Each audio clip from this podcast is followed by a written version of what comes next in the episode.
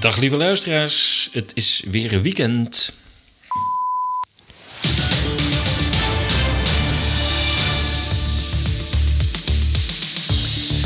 Het is weer weekend en tijd voor Radio Moddergat, de vrije podcastradio van ezas.nl. Twee wekelijks 60 minuten lang berichten over bizarre tijden. Mijn naam is Paul de Bruin en we noteren 10 december 2021.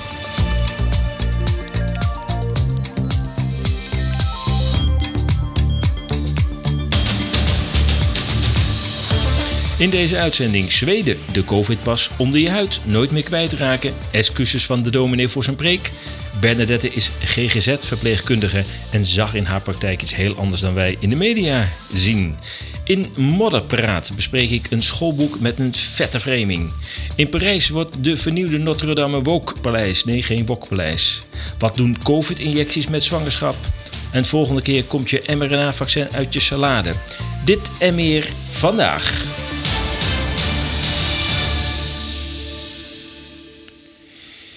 Ja, jongens, het zijn turbulente tijden. Hè? De rare dingen die je allemaal hoort. Het is uh, echt onvoorstelbaar. En, um, of was nog even vergeten, het was eigenlijk te kort. Uh, we gaan ook nog even over het uh, Nuremberg Tribunaal 2.0 praten. De vraag is of je het zo mag noemen, maar we gaan het er in ieder geval over hebben. We gaan eerst naar Zweden. Want in Zweden krijg je de COVID-pas onder je huid. En Um, ja, dat is eigenlijk al heel lang zo. Dat dit, althans niet de COVID-pas, maar dat je daar iets onder je huid krijgt. Het plaatsen van die chips in je, lichaam met verschillende soorten van informatie, die, die was al populair. Eigenlijk was dat al voor de uitbraak van COVID, dat men in Zweden ertoe overging om allerlei toegangspasjes, natuurlijk met ID, om die uh, in de hand te, te, ja, te, prikken, zou ik haar zeggen. Iets, iets te grootte van een, van een rijstkorrel. En uh, ik lees in, in, een, in, een, uh, in een blog van de Evangelische Omroep uit 2018, lees ik het volgende. Duizenden Zweden dragen geïmplanteerde microchip. Is dat een teken van de eindtijd? vraagt de EO zich af. En ik lees, in de afgelopen drie jaar hebben zo'n 3000 inwoners van Zweden een microchip de grootte van een rijstkorrel laten aanbrengen onder de huid van hun rechterhand. Dit meldt het uh, persbureau AFP. Dankzij de microchip hebben zij geen ID-kaart, OV-kaart of toegangspasjes meer nodig. Lekker handig. De microchip wordt met een injectiespuit, je zult begrijpen dat de naald wel een stuk dikker is, ingebracht in de hand. Het lichaam uitrusten met technologie wordt biohacking genoemd. Uh, ook wel overigens Internet of Bodies. Er staan nogal wat notities online over dit, uh, over dit onderwerp. We gaan er uh, um, ook nog wel aandacht aan besteden op esas.nl. Een paar jaar geleden begon de Zweedse biohackinggroep Bio, Bionifiken. Ja, wat moet dat betekenen? Met het organiseren van implanteerfeestjes. Jawel. Daarbij lieten mensen um, in de VS, Groot-Brittannië, Frankrijk, Duitsland en Mexico massaal chips in hun hand implanteren. Het openbaar vervoer in Zweden is ook begonnen, we praten dus over een bericht uit 2018, met het scannen van de handen van passagiers met biometrische chips. Je vraagt je af waarom Zweden uh, aan al die strenge lockdowns is ontsnapt. Maar misschien was Zweden al woke genoeg en zat al dik in de digitale agenda van het World Economic Forum. Wie zal het zeggen? Duidelijk is in ieder geval dat Zweden behoorlijk voorloopt op ons, gesteld dat wij er achteraan zouden willen gaan. Op diezelfde EO-site zag ik nog wat anders, namelijk dat um, de protestantse predikant Paul Visser, die heeft zijn excuses aangeboden voor de preek die hij op 10 oktober in Middelburg hield. Uh, hij is behoorlijk viral gegaan, die toespraak. Het ging namelijk over de Great Reset. En um, ja, ik vond het al heel bijzonder dat hij, dat, uh, dat hij die toespraak hield. Um, maar dacht ook van, hmm, wat zou er achteraan komen? Ja, in die preek uh, zorgde hij voor veel ophef en discussie. En hij vervlocht volgens de EO het Bijbelboek Openbaring met de complotgedachte over de Great Reset. En dan schrijft de EO erachter: een plan van het World Economic Forum om de wereldeconomie weer op te bouwen na COVID. en de manier waarop de pandemie wordt bestreden. Visser zei: Waar mijn preek vormen van complotdenken in de kaart heeft gespeeld, betreur ik dat zeer en neem daarbij deze afstand van. Hij zegt dat in een verklaring. Zo zie je, ook als dominee moet je toch wel uh, behoorlijk oppassen met wat je zegt. De vrijheid van het woord staat uh, zelfs in de kerk nog ter discussie. We gaan even naar een uh, GGZ-verpleegkundige. De wereldwijd opererende groep Police for Freedom, die streeft naar behoud van mensenrechten en menselijkheid in de handhaving, die heeft een afdeling hier in Nederland. En iemand, een representant van die afdeling, interviewde onlangs een GGZ-verpleegkundige. En dat is Bernadette. En ja, op die video, of in die video, hoor je toch wel een ander verhaal dan wat wij de afgelopen anderhalf jaar in de media hebben gehoord. Nou, ik ben Bernadette, 52 inmiddels. Afgelopen 35 jaar in de zorg gewerkt, waarvan 32 jaar in een GGZ-instelling als psychiatrisch verpleegkundige. Ja, voor de goede orde, het gaat hier dus om de GGZ, niet om een, uh, een verpleeghuis, maar desalniettemin de ervaringen die uh, Bernadette heeft gehad, zijn toch wel een totaal andere dan die wij regelmatig in de media te horen kregen. Ik kan natuurlijk alleen van mijn eigen ervaring uitgaan, hoe ik Uiteraard. het heb ervaren ja, en heb ja. gezien. En uh, nou, inderdaad, er kwam natuurlijk de melding dat er een virus aankwam, wat natuurlijk heel erg zou zijn. En uh, nou ja, waarschijnlijk heel veel mensen aan gingen overlijden. Dus ook bij ons in de GGZ-instelling uh, was dat natuurlijk het gesprek van de dag. Er werd een cohortafdeling opgezet met de vraag wie daar wilde komen gaan werken. Dus er waren een x aantal verpleegkundigen die daar uh, wilden komen werken, waaronder ik. Dat was denk ik in februari. Dus net nog voor de echte eerste golf. Dus we mhm. kregen ook wat uh, spoedcursussen met zuurstof. En, uh, want wij zijn natuurlijk niet zo getraind in de verpleegtechnische handelingen mm. in de GGZ. Dus met die groep dat gedaan. En nou ja, wachten totdat de eerste opnames zouden komen. Nou, die kwamen dus niet in de oh. eerste golf. Nee. Dus van maart tot september geen patiënten in de GGZ die uh, COVID kregen. Wat ik natuurlijk wel heel apart vond. Want ik dacht, mhm. ja, volgens mij treft het iedereen. Ook nog aangeboden om ergens anders te helpen met z'n allen waar het wel heel druk was. Of dat wij patiënten vanuit ziekenhuizen of verpleeghuizen kregen om die te ontlasten. Maar ja, dat kon allemaal niet vanwege de zorgkantoren en de betalingen en financieel. En wat ik persoonlijk wel wat vreemd vond. Ik denk als er echt een pandemie is waar heel veel mensen ziek van zijn en overlijden.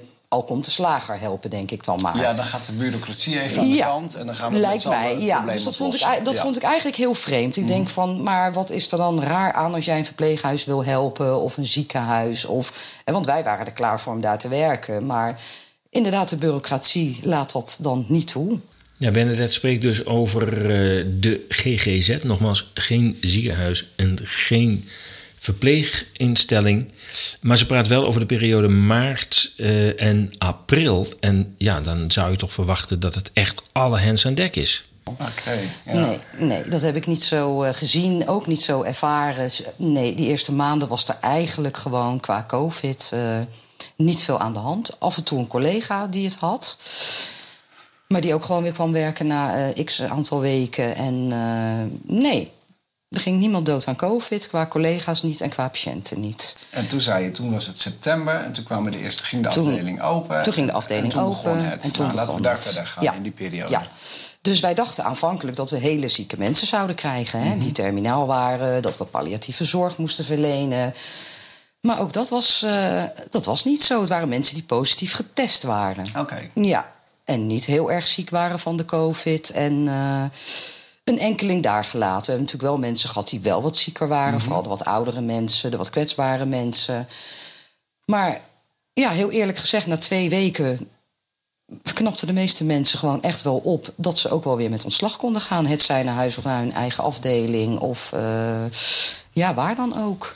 Geen hens aan dek, dat is duidelijk in maart en april bij de GGZ waar Bernadette werkzaam was. Wat haar erg opviel, en dat is natuurlijk meerdere mensen opgevallen, is um, ja, dat je afvraagt waarom adviseerde de overheid of uh, het RIVM niet over preventieve maatregelen. Er moest toch heel lang nog gewacht worden op de grote oplossing het vaccin. En die tijd moest overbrugd worden. En je zou zeggen, dat, dat doe je dan met voorhanden zijnde medicatie. Eh, dan wel eh, tips over de gezondheid. Maar ehm, dat, dat is allemaal achterwege gebleven. En daar verbaast Bernadette zich ook over.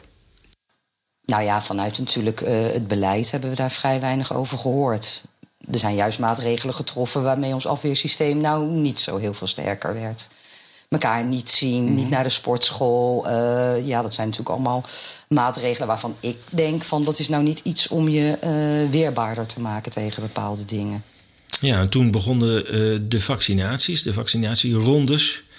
En Bernadette dacht, nou oké, alles, alles achter de rug. De COVID-afdeling werd ook inderdaad gesloten, maar het liep toch anders. En na een week kregen we dus de oproep van er zijn 80 besmettingen. Dat was een week bijna na vaccinatie. Oh, en van hoeveel mensen zitten er bij jullie dan uh, op zo'n... Uh, oh, in de hele instelling honderden hoor. Okay, ja, ja, ja, ja, ja, Dus er waren 80 besmettingen, waaronder een aantal mensen heel erg ziek. Of wij weer op de cohort konden gaan werken. Want de meest zieke patiënten zouden dan naar de cohort komen. Oh, die ging weer open eigenlijk? Ja, die ging weer open, ja. Ja. Maar dan voor die mensen die dus nou gevaccineerd waren. Ja. ja. En wel heel erg ziek waren en daar ook heel veel van zijn overleden. Ja, je weet niet of je nou uh, alleen verbaasd moet zijn, er ook best wel een beetje boos over moet worden. Over dat dit soort signalen natuurlijk al vrij vroeg uh, moeten zijn uh, beland bij de RIVM en de anderen die aan het wiel van de COVID-maatregelen draaien van het verhaal van Bernadette over die werking van de ja, zogenaamde vaccins zijn natuurlijk niet nieuw. Uit zoveel landen komen alarmerende berichten over de vaak ernstige bijwerkingen. Het is dan ook onbegrijpelijk dat minister De Jonge de vaccins blijft aanprijzen als uitgebreid getest en volkomen veilig. Dit is Radio Moddergat, wereldwijd te beluisteren via Soundcloud, Apple Podcast, TuneIn en Spotify. En we gaan naar Modderpraat. Een eigenwijze... Daar heb ik een tuentje voor. ja, jawel. Bijna vergeten, bijna vergeten. Dit is Modderpraat. Een eigenwijze kijk van Paul de Bruin op bizarre tijden. Dit keer in Modder Talk. Of noem ik het nou Modderpraat? ja, ja, rommel maar wat aan. Goed, Modderpraat gaan we het noemen. Ja, het staat in het document als... Uh, in de script staat het ook als Modder Talk. Goed, het nieuwe schoolboek. Daar gaan we het over hebben. Want uh, ja, steeds meer ouders die, uh, die hebben zich al wat langer gestoord aan wat uh, jonge kinderen inmiddels in de scholen, en hebben we het over de basisscholen, krijgen voorgeschoteld. Um, op dit moment zijn er ontzettend veel initiatieven van ouders, en daar praten we echt over wereldwijd, um, die met nieuwe vormen van onderwijs aan het experimenteren zijn. Ook al gestart zijn. En ja, of je nou berichten uit de Verenigde Staten hoort, of uit Duitsland of uit Nederland, dat maakt niet uit. Wereldwijd zijn ouders nu bezig om eigen onderwijsinstellingen uh, op te richten. Dat is natuurlijk niet eenvoudig, daar komt nogal wat uh, voor kijken. Maar goed, we hebben sinds uh, begin vorige eeuw het recht op, op onderwijs en het recht ook op het stichten van een eigen onderwijsinstelling. Dus daar maken ouders gif gebruik van op dit moment. Er zijn natuurlijk wel weer signalen uit de Tweede Kamer, in dit geval concreet van D66, die zich zorgen maakt over die staatloze onderwijsinstellingen. Je vraagt je af uh, um, of uh, D66 nog weet waar het in 1966 voor is opgericht. Want ja, we zijn nu uh, meer dan 50 jaar later en um, van D66 uit de begintijd is weinig meer te herkennen. Maar goed, dat is een politiek verhaal. Maar veel van de lesstof die blijkt toch een ferme ideologische saus te hebben gekregen. Ja, sommige ouders die spreken van het inprenten van apocalyptische projecties, bijvoorbeeld over het klimaat. Of een doorgeïdeologiseerd begrip, zeg ik het nou goed? Nee, ik geloof het niet. Maar goed, als inclusiviteit moet je me niet zulke moeilijke woorden opschrijven. Sommige mensen noemen het ook een opdringing van een woke-cultuur. Een, een, term die je natuurlijk de laatste paar jaar uh, heel vaak hoort. Ook zou het op sommige basisscholen kinderen al geconfronteerd worden met genderkeuzes. We kregen een boek opgestuurd. We hebben het artikel nog niet live gezet uh, op de website, omdat uh, de uitgeverij heeft toegezegd te reageren op, op onze vragen. Dus dat, dat laten we, laat ik nog maar even lopen. Maar in ieder geval in Radio Moddergat wil ik het alvast behandelen. We kregen dus, kregen dus een boek opgestuurd van de uitgeverij Essener uh, in Wormerveer van een ouder. Het gaat om het boek Maatschappijlijk voor HAVO-leerlingen in dit geval. En we lezen dan een hoofdstuk met de titel Media en nepnieuws. En hierin worden bekende termen als complotdenker en nepnieuws aan kinderen uitgelegd, aan jongeren in dit geval. Het hoofdstuk begint met Mijn moeder denkt in complotten.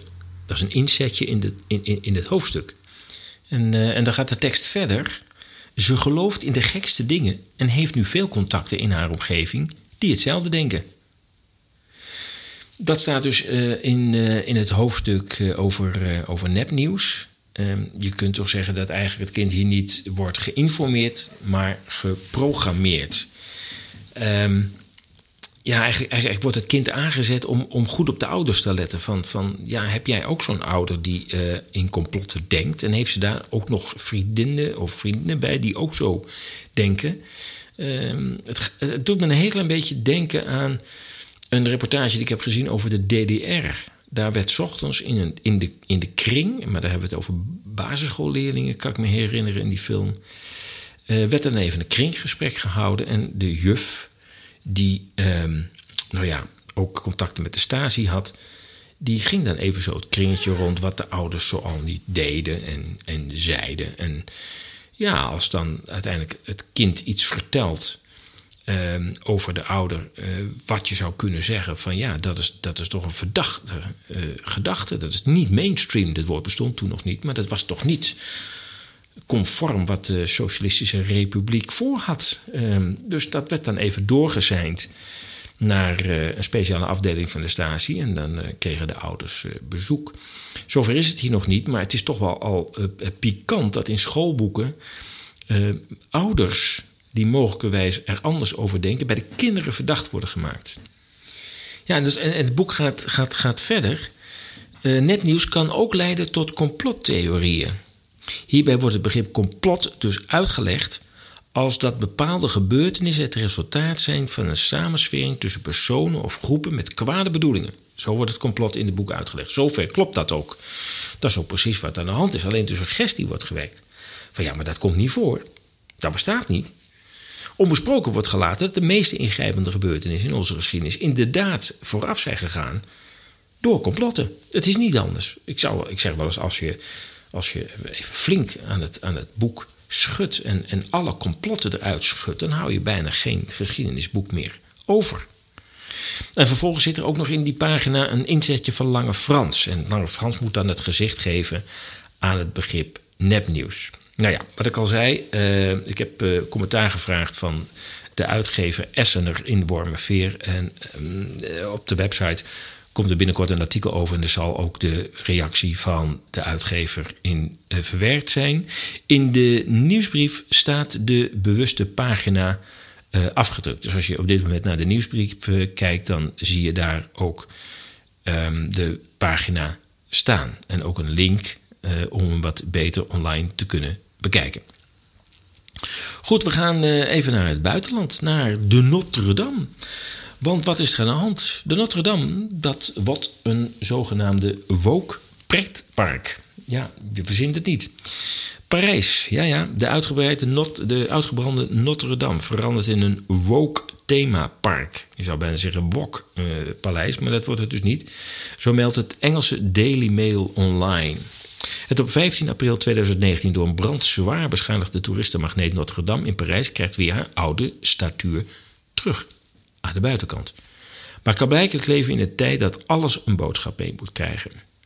De Notre Dame mag niet meer alleen een mooie kathedraal zijn en een plaats om je geloof te beleiden. De kerk, voor, uh, volgens critici, wordt een, een, een, themapark dus van een woke-cultuur. Volgens de nieuwe plannen zal een ontdekkingspad bezoekers langs 14 themakapellen leiden. Jawel. En de laatste kapel zal gewijd zijn aan het milieu. Andere kapellen zijn ingericht voor Afrika, Azië en, uh, uh, ja, en Azië.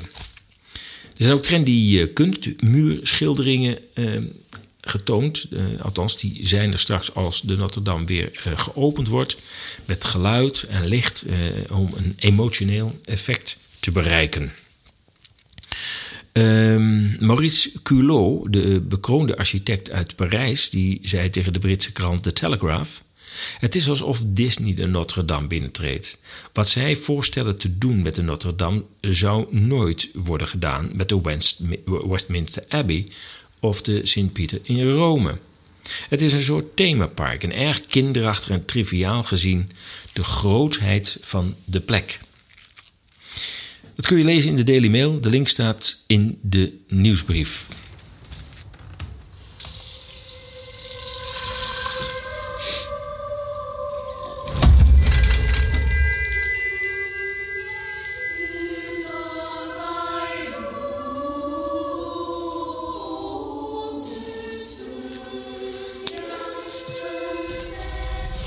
Ja, je hoort een commercial van de Noorse Post.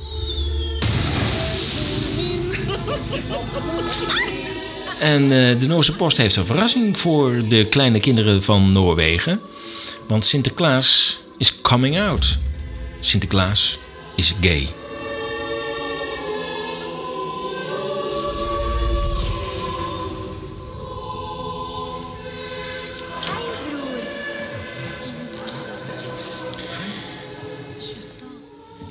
Ja, en uiteindelijk wordt het ook wel heel erg uh, duidelijk uitgebeeld. Op een gegeven moment staat Sinterklaas gewoon uh, lekker te zoenen met een andere man. Want Sinterklaas is een man. Dat weet je tegenwoordig nooit meer zeker, maar ik ga er maar even vanuit dat Sinterklaas nog steeds een man is. En uiteindelijk staat Sinterklaas daar te vrijen met, met zijn mannelijke geliefde. Kortom, weer een illusie armer. Sinterklaas is toch niet zoals opa. Terzij opa misschien ook gay is. Je weet het maar nooit.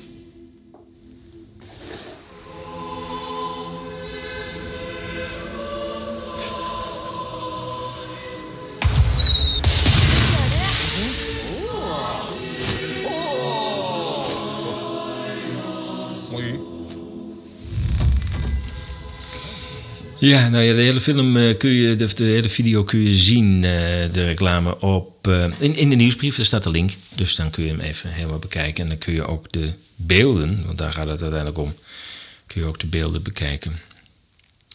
Even een wat serieuzer onderwerp. Vaccinatie en de gevolgen voor zwangerschap. Hoewel er geen gegevens zijn waaruit blijkt dat de COVID-vaccins veilig zijn voor zwangere vrouwen en ondanks berichten over miskramen bij vrouwen die de experimentele vaccins van Pfizer en Moderna hebben gekregen, adviseren Fauci, Jaap van Dissel van de Verenigde Staten en andere gezondheidsfunctionarissen zwangere vrouwen gewoon het vaccin te nemen. Dit schrijft de website The Defender van Robert F. Kennedy. Sterker, volgens een eerste rapport ingediend op 22 december jongsleden slechts tien dagen na de goedkeuring van het Pfizer-vaccin, eh, dus dat is ehm, vorig jaar geweest, sorry, 20 december 2020, slechts tien dagen na de goedkeuring van het Pfizer-vaccin, bleek dat bijna een derde, 31 procent om precies te zijn, van de vrouwen een miskraam of vroeggeboorte had. Die zich voordeelt, voordeed binnen een dag na de injectie en de meerderheid na al één enkele dosis. De bron staat uh, in de nieuwsbrief. Het Nederlandse meldpunt vaccinatie, dat is een initiatief van de BPOC, de Buitenparlementaire Onderzoekscommissie van Pieter Kuit, heeft al 325 meldingen van spontane miskramen na vaccinatie ontvangen. Het LARIP, het officiële bureau voor melding van bijwerkingen van inettingen, heeft 126 meldingen van spontane miskramen na vaccinatie ontvangen. Waarschijnlijk is het maar een topje van de ijsberg. De miskamer gemeld bij meldpunt vaccinatie traden op binnen vier weken na de tweede prik. De link naar uh, de website van de BPOC, waar dit uh, op staat, staat in de nieuwsbrief. De berichten over depopulatie rondom deze geforceerde inettingscampagne lijken met deze talrijke incidenten niet bepaald ontkracht te worden. Ook meldingen van menstruatiestoringen voeden de geruchten dat, beoogd of als effect geaccepteerd, onvruchtbaarheid het gevolg is.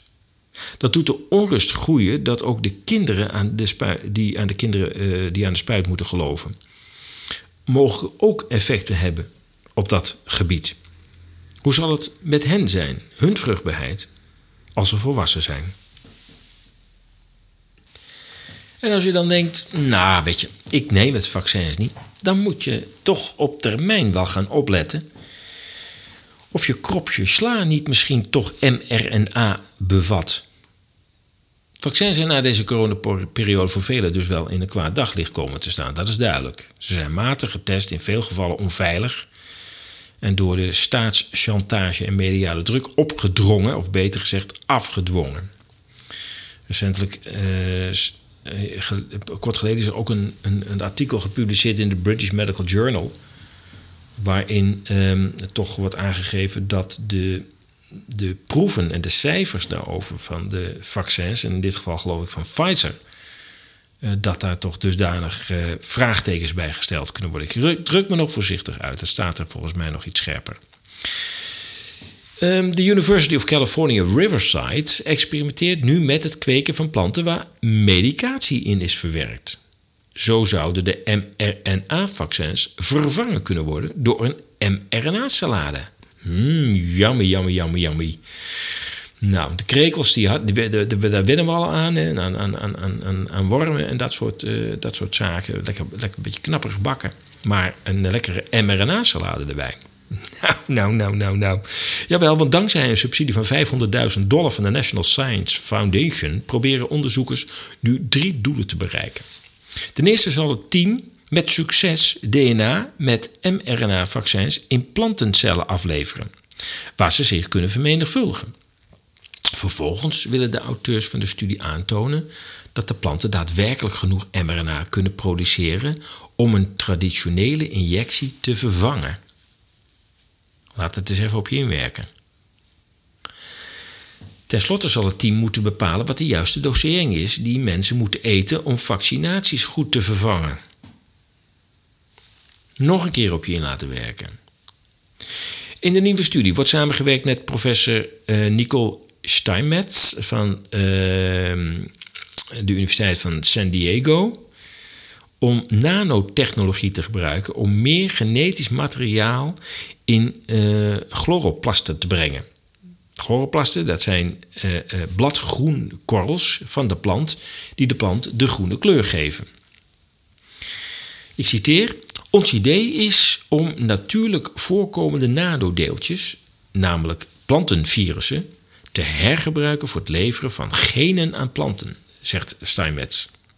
Er komt wat techniek bij kijken om de nanodeeltjes naar de chloroplasten te brengen en ze niet besmettelijk te maken voor planten. Het wordt langzamerhand wel uh, steeds begrijpelijk waarom Bill Gates inmiddels de grootste bezitter is van landbouwgrond in de Verenigde Staten. En hij koopt overigens ook al behoorlijk wat grond in Turkije op. Dat is zeker voor zijn Europese divisie. En waar hij dat allemaal mee betaalt? Nou had hij natuurlijk al een paar centen op zak. Maar vorig jaar, als je de financiële berichten mag geloven, en dan heb ik het niet over de grote kranten uiteraard, eh, heeft de grootste kapitaalroof plaatsgevonden in de, in, de, in de geschiedenis. Namelijk van publiek naar privaat. Er is ontzettend veel geld bijgedrukt. Met als excuus COVID en de door de maatregelen verzorgde of eigenlijk uh, veroorzaakte economische ellende. Maar dat geld, dat is, dat, is, dat is amper naar de burger gegaan. De honderden miljarden die bij zijn dus zijn grotendeels naar de beurs gegaan en naar de beleggers en naar de achterliggende financiers. En die weten ook wel dat het geld niet zo heel lang meer meegaat in deze vorm. Dus die hebben dat meteen omgezet in vastgoed en in grond. En niet zomaar grond, maar landbouwgrond. Want ja, wie voedsel kweekt, draait wel aan een belangrijke knop. Bill Gates is niet zo vies van genetische manipulatie. Dus als er ergens kopjes sla met mRNA geteeld moeten worden, dan denk ik dat Bill nog wel een paar vierkante meter over heeft. En uh, ja, misschien begrijp je nu ook waarom uh, Gates in het Nederlandse picknick een lieve 600 miljoen heeft gestoken. Ja, dan kom je dus nooit meer van die man af en dan ben je hele zelfstandigheid natuurlijk kwijt. Maar goed, 600 miljoen heeft gestoken. Want uh, dan, ja, dan zie ik toch een beetje het beeld voor me dat die kropjes sla die bij hem eh, ergens in Milwaukee of Californië op zijn veldje staan dat die via Picnic bij ons op, op het bord gaan belanden.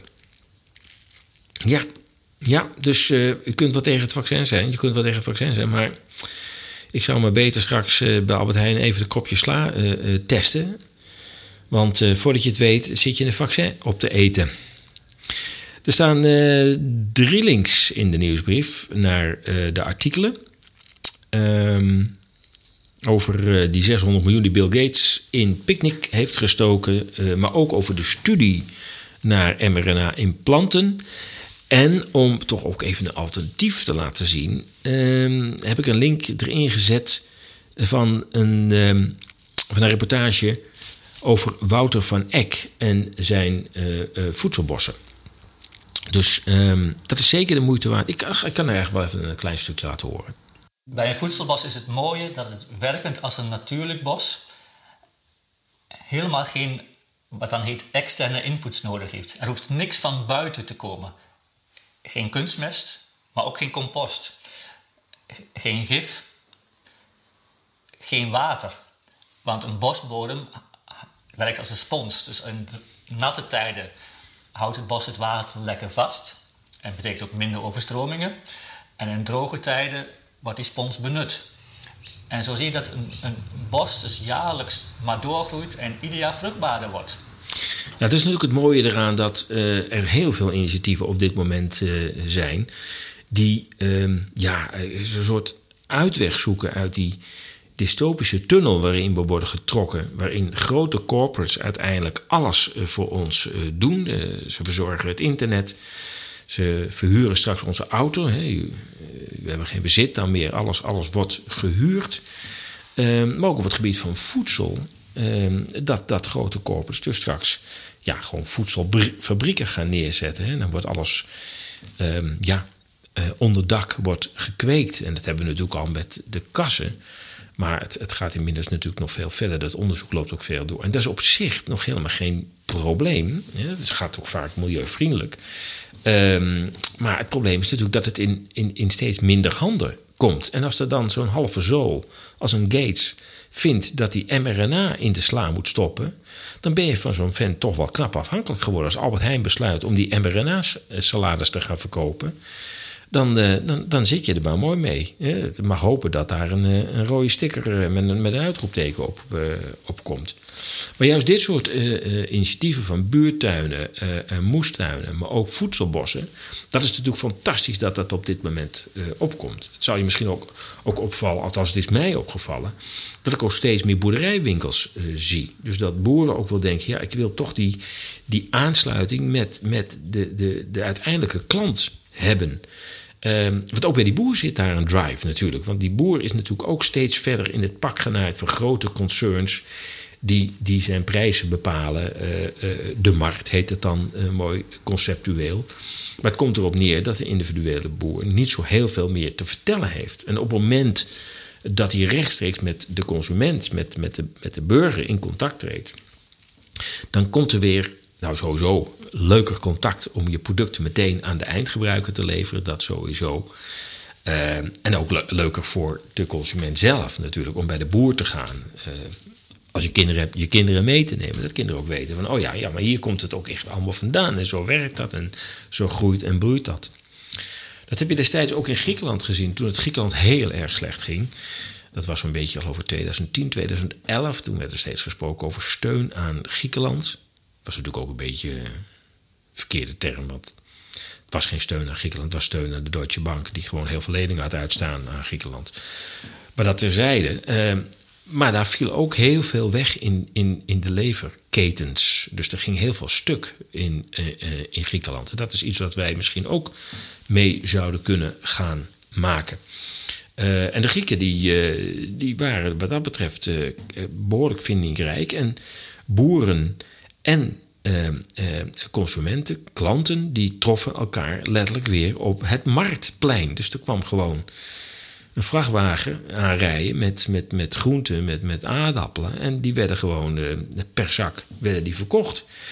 Ja, die boer die, die ging dan iets onder de supermarktprijs zitten. Maar er zat helemaal niets meer tussen. Die boer kreeg een enorme marge op zijn aardappelen. En ja, de, de koper, de klant, had goedkope aardappelen voor zijn doen als je dat vergelijkt met, uh, met de supermarkt. Het zou best kunnen zijn dat, dat, dat, dat dit verder ook in de westerse landen waar het COVID-regime zo verschrikkelijk huishoudt, uh, dat het ook hier een, uh, een trend gaat worden.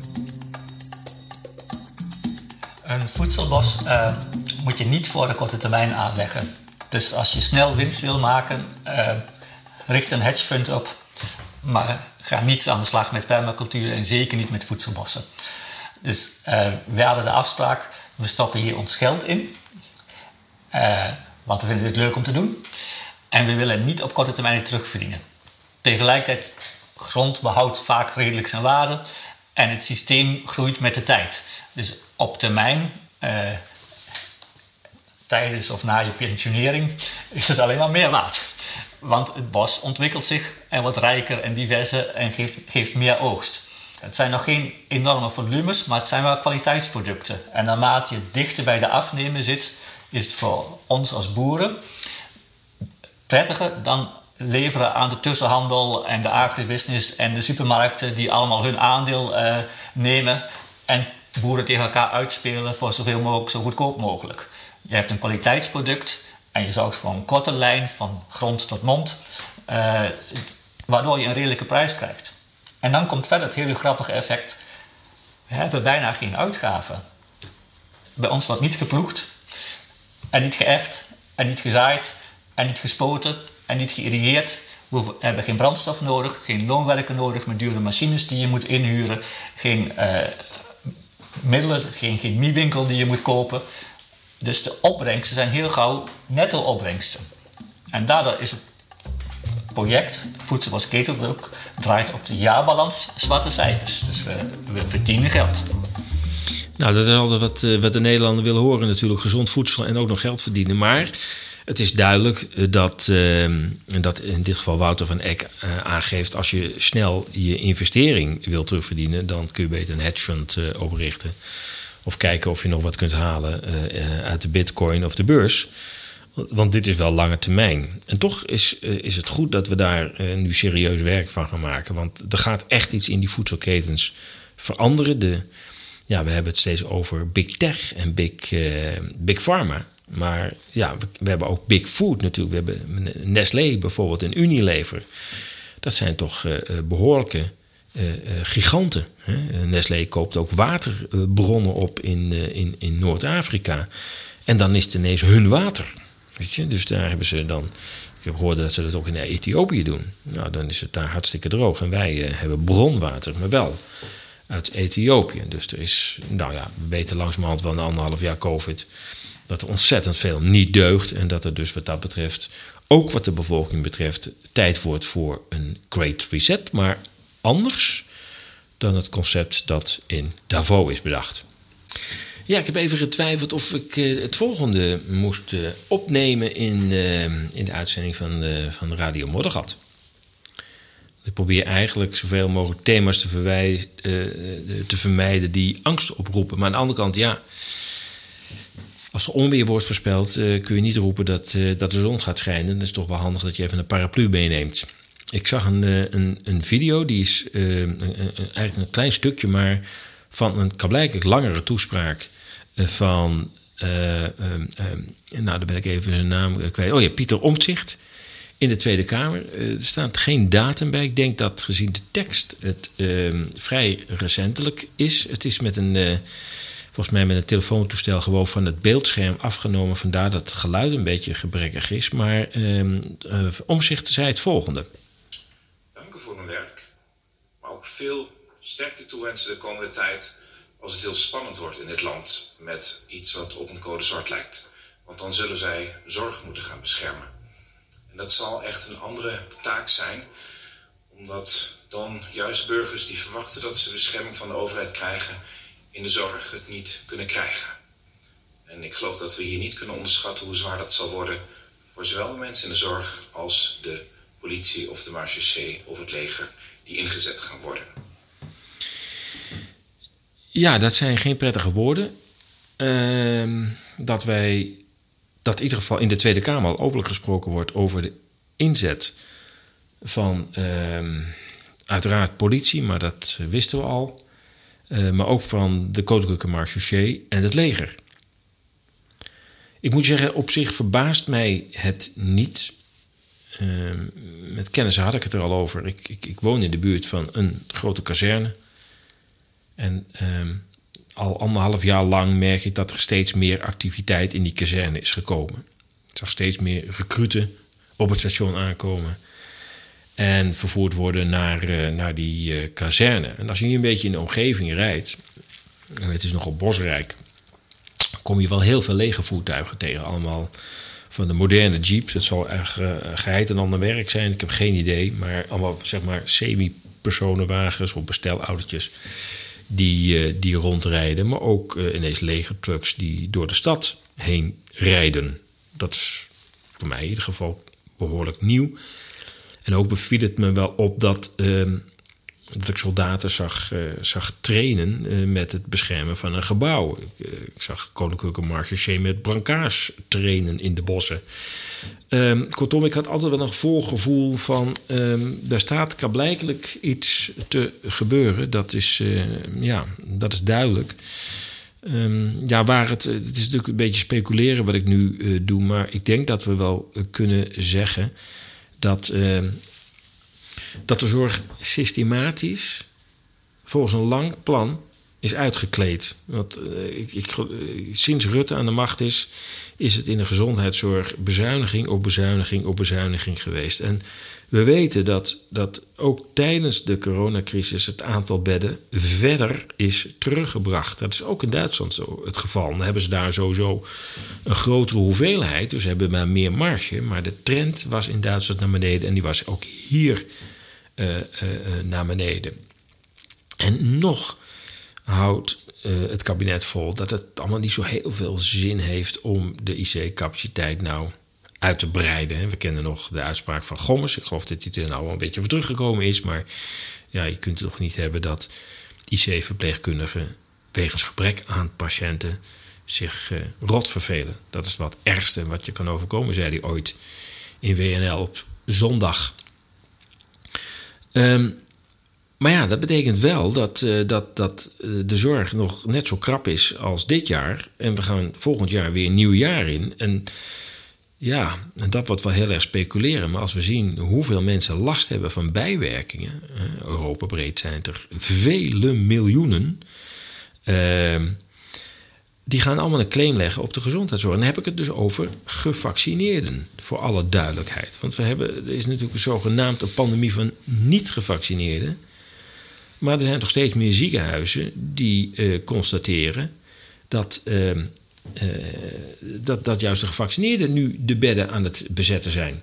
Ik laat je even een uh, stukje horen van uh, een arts, een IC-arts uit het Sint-Antonisch ziekenhuis. natuurlijk, maar waar ik een beetje moeite mee heb, eerlijk gezegd, uh, ook van, van, van de beelden uit de IC wat we zagen, dat er dat deze getallen zijn in de realiteit ondanks 85% vaccineren. Ja. Dus we moeten ook stoppen met het ongevaccineerden als zondebok aanwijzen. En ik denk dat een van de redenen waarom we maatschappelijk draagvlak ook verliezen, is er was een soort beloofde land voor ogen gesteld. Als we gevaccineerd hebben, dan gaat het leven door. En nu hebben we 85% gevaccineerd en gaat het slechter dan het ging. Dus wie is de schuldige? De 15% ongevaccineerde lijkt te klinken maatschappelijk. En ik ben blij met uw opmerking op het eind dat wij als zorgmedewerkers iedereen gelijk behandelen.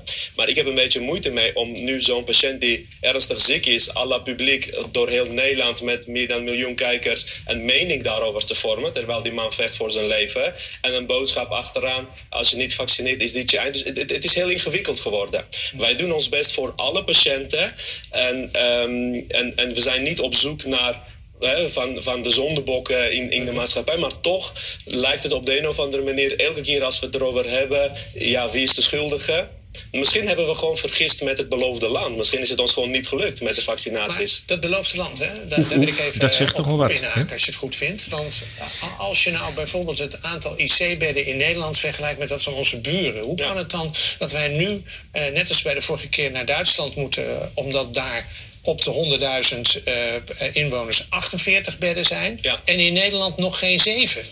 Ja, je hoort natuurlijk, uh, de stem zul je herkend hebben, Jeroen Pauw. Dat komt omdat wij in Nederland menen heel efficiënt te moeten zijn. En dat als COVID er niet is, willen we geen overcapaciteit, want dat kost geld. Maar als we al het geld die we nu in het bedrijf hebben gestopt om ze te redden, in de zorg hadden gestopt, dan hadden we dit probleem niet. Omdat ik echt van mening ben dat de capaciteit ertoe doet. En wij in het Antonius ziekenhuis hebben afgelopen jaar twee keer meer IC-verpleegkundigen opgeleid dan normaal. Dat komt nu op gang, maar landelijk en vanaf de middelbare school al, de politiek, moet maximaal inzetten op uitbreiden van capaciteit. Omdat we met ook 100% vaccineren er niet gaan komen. Nou, nou uh, ik veel helder niet krijgen. En dit was dus een uh, citaat van uh, de mainstream media. Jawel, van BNN VARA. Nou moet ik zeggen, de meesten zijn al gevaccineerd. Dus je zou kunnen zeggen, de media, de taak zit erop. Uh, maar desalniettemin is het wel opmerkelijk geluid dat, uh, dat ook deze arts mag uitspreken. We hebben meerdere mensen gezien die op televisie werden uitgenodigd bij Op 1. En op het moment dat, dat, dat, dat, de eerste zin richting kritiek ging, werd er meteen onderbroken. Bij de BBC was zelfs een uitzending waarbij gewoon ineens het beeld en het geluid wegviel toen de, toen de kritiek op de vaccinaties uh, klonk. Zo erg, uh, zo erg is het inmiddels. Maar het is in ieder geval heel erg goed dat dat geluid klinkt. En hopen dat het verstand ten aanzien van gevaccineerd, niet gevaccineerd, dat dat verstand weer eens een keer terugkomt. En die hetsen die nu wordt opgezet, aangejaagd door, door de jongen en, en zijn trabanten, dat, dat, die, dat die hetje een keer gaat, gaat eindigen. Ik, uh, ja, je hoort het. Ik, uh, ik pak even de krant erbij. Jawel, ik, ik zit de hele tijd te klikken en te klakken op internet. Maar er zijn ook nog wel interessante kranten. En wat dacht je van de andere krant? Uh, ik moet zeggen dat ik, ik, ik, ik zelf al heel lang. Um, ja, er komt er nog wel een krant op de mat. maar ja, mijn vrouw leest die kan, ik lees mezelf niet. Ehm, ik kan dat gewoon niet meer verdragen wat ik daar allemaal aan onzin uh, voorbij zie uh, trekken. Constant angst, angst en nog eens angst. En uh, ja, dat, dat, heb je op een gegeven moment wel gehad. En gelukkig is er sinds, ik geloof, twee maanden nu. de andere krant op weekbasis. De andere kant was er al, al een paar jaar zelfs, maar dan met themanummers. En die werden heel goed gelezen, maar ja, die waren, kwamen onregelmatig uit. Dus uh, ja, daar kon je niet elke weekend mee doorkomen. Nu wel, de andere krant is er dus elke week. En je kunt je er geloof voor 120 euro per jaar op abonneren. En um, ja, ik moet zeggen, het is, uh, het is zeer professioneel geschreven. De, de, de, de taal is, is zorgvuldig gekozen. Men, heeft, men, men komt met bronnen. Het is geen, geen geen hetsen, zeg maar, aan de andere kant. Je hebt wel, nou ja, nogal wat websites die de, de waarheid uh, onder ogen willen brengen, maar dat ook weer met een angstsaus voorzien. Nou, dat doet de andere kant absoluut niet. Uh, je zou hem gerust aan uh, iemand kunnen laten lezen die er nog niet zo erg in zit in die materie. Ik wil het woord wakker niet, niet gebruiken. Maar goed, in de andere krant las ik twee stukken. Eén over de rellen in Rotterdam. Um, en dan gaat het over um, de mensen die uh, in burger gekleed zijn en uit die politiebusjes stappen. Oftewel, Romeo's uh, genoemd. Um, en daarvan uh, gaat het gerucht dat getuigen zouden hebben gezegd dat een aantal van hen in een andere taal dan Nederlands spraken. Francisco de Valk is een ex-politieman en oprichter van Blue Truth, een organisatie van agenten die zich niet kunnen verenigen met het huidige geweldsbeleid, bevestigt in de andere krant van 27 november het bestaan van buitenlandse politieeenheden die in andere landen opereren. Deze zogenaamde Eurogent 4, oftewel European Gendarmerie Force, het zal wel een Franse oorsprong hebben, bestaat uit een kleine eenheid van 800 man die overal in Europa kunnen worden ingezet. Aan deze Europese politie-eenheid werken Frankrijk, Italië, Polen, Portugal, Roemenië, Spanje en Nederland mee. Bij demonstraties in Brussel is gebleken dat ze er niet voor uh, zijn om de radreis. Uh, uh, even kijken, ik ben niet gebleken dat ze voor de. ja, ja, dat, is niet, sorry, ja, dat, dat, dat, dat bij demonstraties niet worden ingezet om, om eruit te halen, wat officieel de taak is van Romeo's maar om zelf vreedzame demonstraties te laten escaleren. En niet zomaar vreedzame demonstraties. Niet van Black Lives Matter. Ook niet voor, voor het klimaat. Nee, alleen tegen de coronamaatregelen. Die moeten constant verstoord worden en moeten beelden van geweld opleveren, zodat de mensen om je heen weer kunnen zeggen: Nou, ik ben blij dat ik er niet bij was. Verschrikkelijk, wat is dat toch een zootje dat daar loopt te demonstreren? Dat soort beelden moet het opleveren. En daar is de politie in Nederland uitermate goed in, uh, in geslaagd. Ik merk dat de laatste tijd bij demonstraties dat de politie zich veel terughoudender opstelt. Het werd tijd dat de politie zich realiseerde dat ze nog steeds in een democratie functioneren.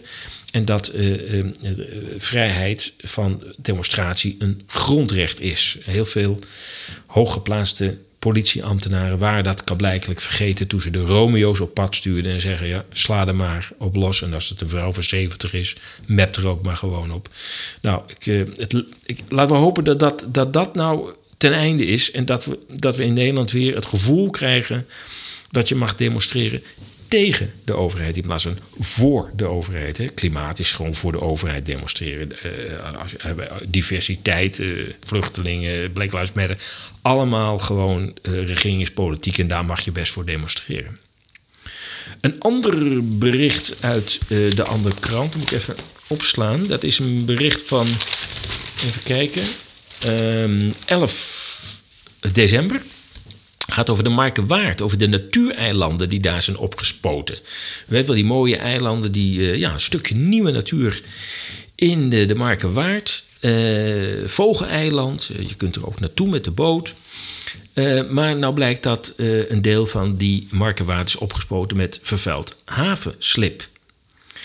En ehm, dat is niet zo'n heel klein beetje. Ja, in de mainstream media staat dat er een klein beetje de onderste laag. Nee, nee, het is 21.000 kub uh, klasse industrie, zoals dat heet, is nu de basis voor de natuureilanden. En daar moeten vogels en vissen zich thuis voelen.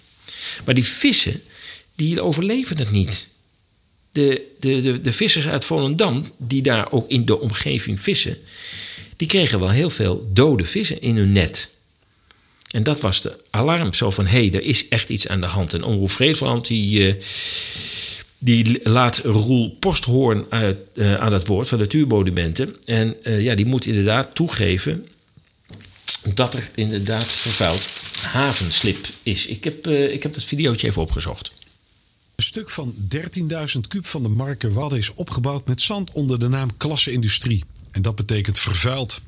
Roel Posthoorn van Natuurmonumenten legt uit. Het blijkt dat in 2016, dus het eerste jaar van aanleg, toen uh, om überhaupt een begin te kunnen maken met die eilanden, een aantal onderwaterdammen aangelegd heeft als beginpunt. Dat hebben ze gedaan met uh, zand van elders. En uh, één of twee van twee partijen zand, die bleken nu de klasse industrie te hebben. En dat is herbruikbaar zand, zeg maar. Dus dat mag je gewoon opnieuw gebruiken. Maar wel onder de voorwaarde dat het wordt toegedekt. En het is op dit moment onduidelijk welke stoffen er in het zand zitten. Ja, nou, uh, ik, ik, draai het even weg. Die, die video staat ook weer uh, in de nieuwsbrief. Gaat het over zand dat wordt toegedekt. Ik heb het idee dat onze overheid nog veel meer toedekt. En dat we er steeds meer achter komen. Uh, ja, dat, dat veel wat, wat de overheid doet. Oeh, een soort, uh, soort beerput uh, is. En elke keer komt er weer wat boven water. Letterlijk in dit geval in een markenwaard. Dat je denkt, ja jeetje jongens, dit is natuurmonumenten. En zelfs die, zelfs die moeten we betrappen op, uh, op dit probleem. Want als de Volendamse vissers die dode vissen daar niet hadden aangetroffen... dan vraag ik me echt af of we dit ooit te weten waren gekomen. Goed, we hebben nog zeven minuten en we gaan nog even naar Rainer Wulmich, de Duitse-Amerikaanse advocaat, die uh, toch al behoorlijk bezig is uh, met het uh, ontmaskeren van dat wat achter het coronaproject, als ik het zo kan noemen, schuil gaat. En dat, dat doet hij al sinds het begin, omdat hij zegt vanaf het begin af aan had ik al gevoel, hier klopt iets niet. Nou, dat hadden meer mensen eigenlijk al vrij snel. Um, er wordt steeds gesproken over dat, uh, dat, uh, dat Vulmich, dat doet hij ook zelf, uh, naar een soort tribunaal een, zou gaan, een Nuremberg-tribunaal 2.0. Nou ja, zoiets kan er eigenlijk niet komen, want het Nuremberg-tribunaal is natuurlijk destijds afgedwongen door de overwinnaars, door de Amerikanen. Ja, wie zou dat nu moeten afdwingen? Neem niet weg dat eh, hij toch een belangrijke stap heeft genomen. Hij is uitgenodigd door, de, door een hoorcommissie van, de, van het Poolse parlement. Een Pool die in het Europarlement, ehm, die video is ook heel veel gedeeld online, um, um, van leer trok tegen de QR-code, ook in het parlement. Nou ja, goed, die, uh, die commissie in Polen, daar is Rainer Fulmich op bezoek geweest en heeft daar een heel exposé gedaan over wat hij heeft gevonden. Dat, doet hij in drie kwartier. Het is echt fantastisch als je nou wil zeggen, hoe kan ik nou in drie kwartier een beetje gevoel krijgen wel wat er gaande is uh, sinds maart 2020 dan is dat zeker de moeite waard. Ook daarvan is de link te vinden in de nieuwsbrief en ik laat een paar fragmenten horen. Rozpocznie przemową pan dr Rainer Filmyś, so następnie with, członkowie prezydium um, oraz zaproszeni przedstawiciele the będą zadawać pytania. Proponuję w tym momencie, żeby takich pytań to, zrobić dwie rundy. Filmish, Będę pilnował czasu, tak żeby mniej więcej na jedno pytanie i odpowiedź było około pięciu minut. Kiedy będzie się zbliżał czas dojść Het is een beetje moeilijk te verstaan natuurlijk, omdat de tolk door uh, de Poolse parlementsleden uh, moet heen praten, zodat dokter Vilmich het kan verstaan. Hij spreekt vloeiend Duits als Duitser zijnde, maar spreekt ook uh, vloeiend Engels, omdat hij ook veel in de Verenigde Staten vertoeft. Volgens mij heeft hij daar ook een, een woning, een ranch. Um, maar goed, we gaan even naar uh, Filmich luisteren. Thank you very much. This is a real honor.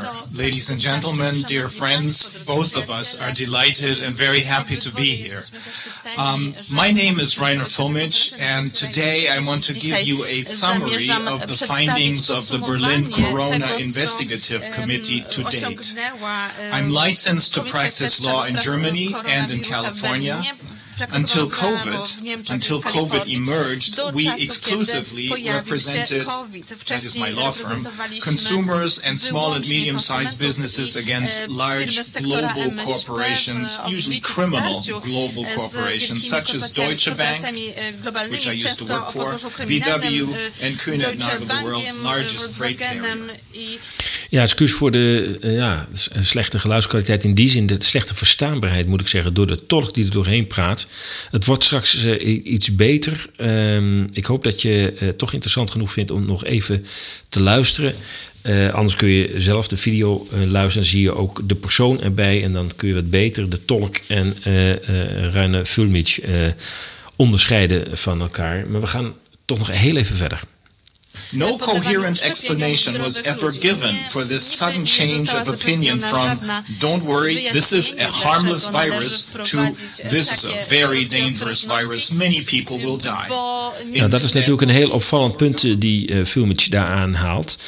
Namelijk dat wij allemaal begonnen met, uh, nou ja, er is een virus in, uh, in Wuhan. En uh, nou ja, er zijn nog wel behoorlijk wat maatregelen daar. Maar ja, het, is, het, het, lijkt toch dat het een redelijk onschuldig virus uh, is. Ik zie het Jaap van Dissel nog zo zeggen. Maar ook in de Verenigde Staten werd dat gezegd door Fauci. Ook door... Um, Komt van de RKI uh, in, in, in, in Duitsland. Ik ben even zijn naam kwijt. De viroloog van de Angela Merkel. Misschien kom ik daar straks nog op. Maar allemaal zeiden ze in koor van het valt allemaal wel mee. En Vulmich legt uit dat er twee vergaderingen na elkaar waren met een tussenpauze van twee weken, waarin ineens een enorme omslag werd gemaakt. Ja, um, nog even wat huishoudelijke mededelingen aan het eind uh, van uh, deze show, van deze uitzending van Radio Moddergat. Kijk even op onze doneerpagina ezas.nl slash doneren. Dan kun je lezen hoe je ook in de uitzending kunt komen. Kijk er even naar, stort een bepaald bedrag. Afhankelijk van het bedrag dat je stort, kun je bepaalde boodschappen kwijt bij ons in de uitzending van Radio Mordegat. Verder zijn we nog aan het testen met, met andere social media. Um, daarvan uh, staat ook het een en ander in de nieuwsbrief. Dus uh, kijk er even naar. Uh, het, is, het is een hele andere manier van met social media omgaan met decentrale servers. En we proberen op die manier toch nog even een parallel kanaal te openen naast Telegram en Signal. Het is allemaal nog een, een experiment. Maar uh, kijk nou even op de website trouwens over onder de pagina ESA's volgen of volgen van ESA's. Daar kun je ook die link helemaal onderaan de pagina zien en daar kun je eens op klikken en kun je misschien kijken of je, of je daar even bij aan wil sluiten om even mee te doen met die test. Nou, wat dat betreft, het zit erop. Jawel, wat ik zei, het zit er weer op. Radio Moddergat van 10 december 2021. Als je deze uitzending hebt gewaardeerd, bezoek dan onze donatiepagina op ezas.nl. De ESA's nieuwsbrief is onmisbaar bij het beluisteren van Radio Moddergat. Ben je nog niet geabonneerd? Meld je dan aan via ezas.nl slash ezas-volgen.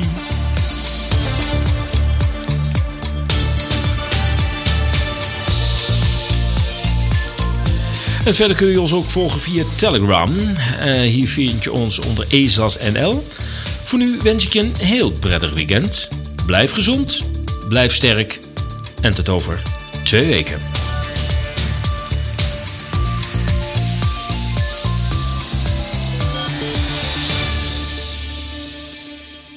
We are dealing, this must be stressed once again, with megalomaniac psychopaths and sociopaths who must be stopped and who in fact should have been stopped a very long time ago.